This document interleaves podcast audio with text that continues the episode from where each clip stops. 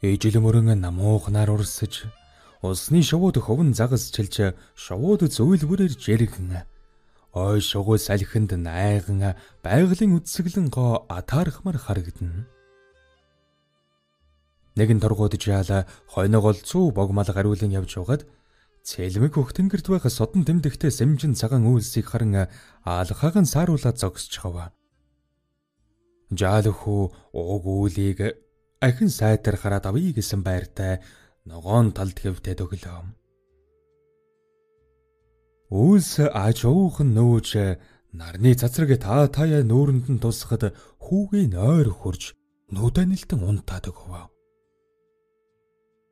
Хонин сүрэг аль хизээний голдож хүү дуг нойрондоо дугжирч байтал хүү яг хажуугаас нь хариг хэлээр гараан зандрах эр хүний хоолойнд хүү зожин сэрлээ босоод гардал уугж ханга дуутай ир орос тариачин байрын өндөр ир байх ба цааш ахиулан харж хонин сүргэн хаан ээж дэш харахад хүдэртэд нэг бэрийн хулцаад байх орос тариачдын тарийн талбаар хонин сүрэг оржигсан эдээшилж байла.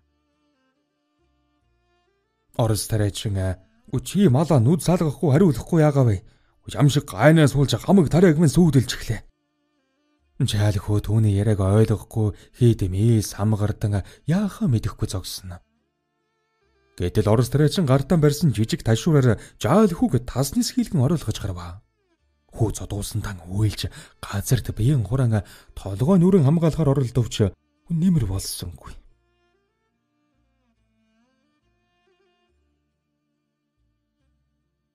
Обш хааны заргын өргөө Чамгүй том уг байшин харахад цөөн тооны уран гоёмсэг баг нод.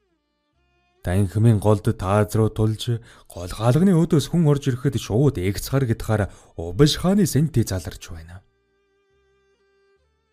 Сэнтэ шалнаас дэш хэдэн шатаар өндөр бөгөөд цэл зал уухан убш хаан эхэмсгэр суужээ. Түүний баруун талын шалан дээр Обш хааны этгэлд туслах бэжгийн хүн заян суужээ. Хаалгыг харуулын цэргүүд дэлгэн онгойлгоход нэгэн малчин ир орж ирлээ. Өмсөж зөөснийг харахад торгууд үндэсний дээл ховцос малгай өмссөн байв.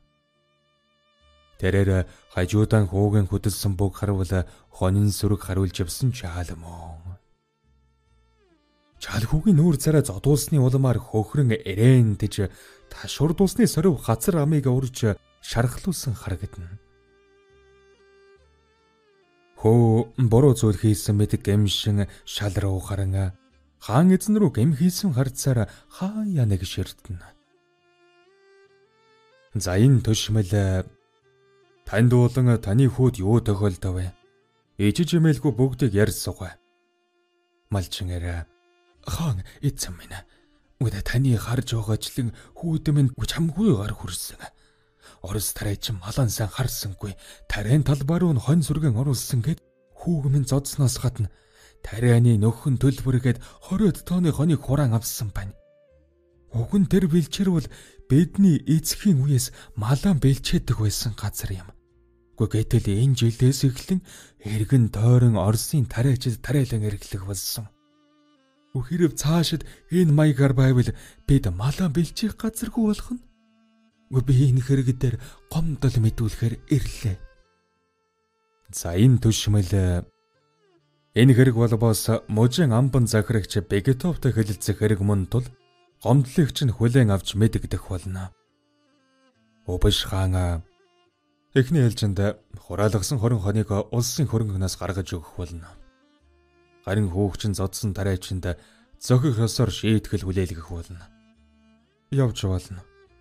Хаантны өг өмөр нэг үлсэнгүй цанд талархаж байна.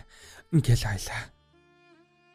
Малчин эр гүн хүнд тэтгэлтэйгээр мэгхийн ёслож хойшоогон уухрах тан хүүгийнхэн толгойгч бас араас нь түлхэн бөхөөлөх ава. Эцэг хүү хоёр хаалгаар гарч удсны дараа Обш хаан төрүүлэн өгд ууграв. Хойрд бидний ард түмний малын бэлчээр газар нутгийг Оросын тариачид хөжтүрэн булааж авах боллоо. Хэрв өвс шимт бэлчээр өгөө бол бид мал сүрэг агта дуган хэрхэн өсгөх вүлээ. За энэ төшмөл газар нутаг бэлчээрээ маргаан сүүлийн ч хамгүй их боллоо. Можийн амбан захирагч Бекетовд энэ талаар мэдээ явуулвч үл хайхрах юм. Бекетов миний үгийг сонсохгүй аваас би Екатерина хатан хаан руу загтал явуулах болно.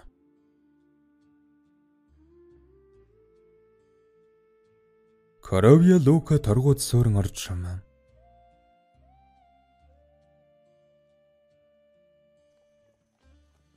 Уртын урд аян замд ядарч туйлдан дайн тулаанаас зогдох хүн ардын томоохон цуваа алсаас наашлан ирж буйн харагдана. Цувааны толгон хэсэг хамгийн наан дөдөлж байхад сүүл нь тэнгэрийн хаяана тэнгэрт тоос татуулжээ. Цувааны тэргүүнд шээрэн тааш өөрийн эдгэлт мөрөн зэргүүдтэй цуг манлайлна. Морин зэргүүдийн аяг байдлыг хараваас хүлгийн нуруунд дээр удаан саатаж зам зуурын дайн тулаанаас аян шиж ядарсан нь элд. Толгойн сэргийлэх болсон 10 мөртөн эргэлсэн сагж ядан цалиглах ээжил мөрний хөвөө сагсахар их хөвс зүлэгтэй ногоон талд ойр дуудын эс хийгэрүүд тайван налайж мал сүрэг тав таяан бэлчиж байгааг харснаа нэг нь буцаж шээрэн тааш руу хэлэгхөр хадруулав.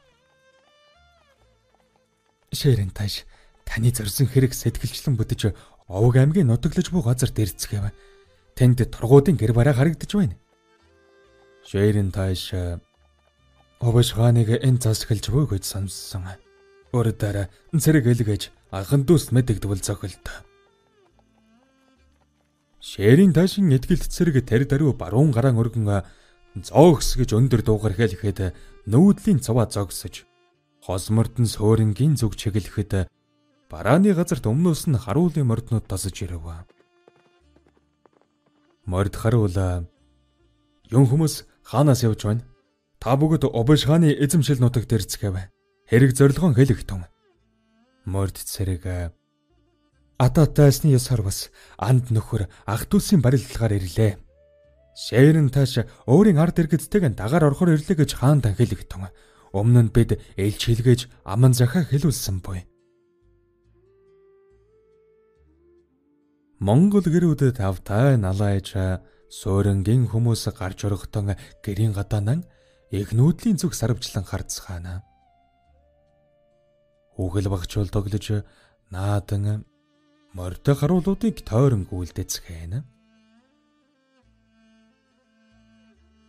Хааны их хөргөнд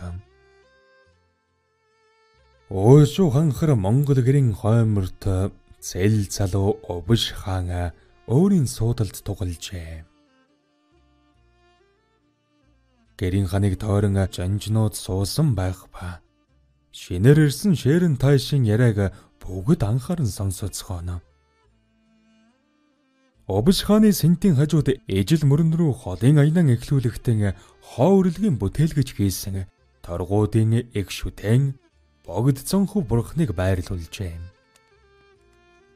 Хаан сэнтийн нөгөө талд эх эзэн Чингис хааны зурмал шүтэнийг өлгөж хааны дагуу ээлд бам бай ном саадаг зэргийг хүндэтгэлтэйгээр байрлуулсан харагдана.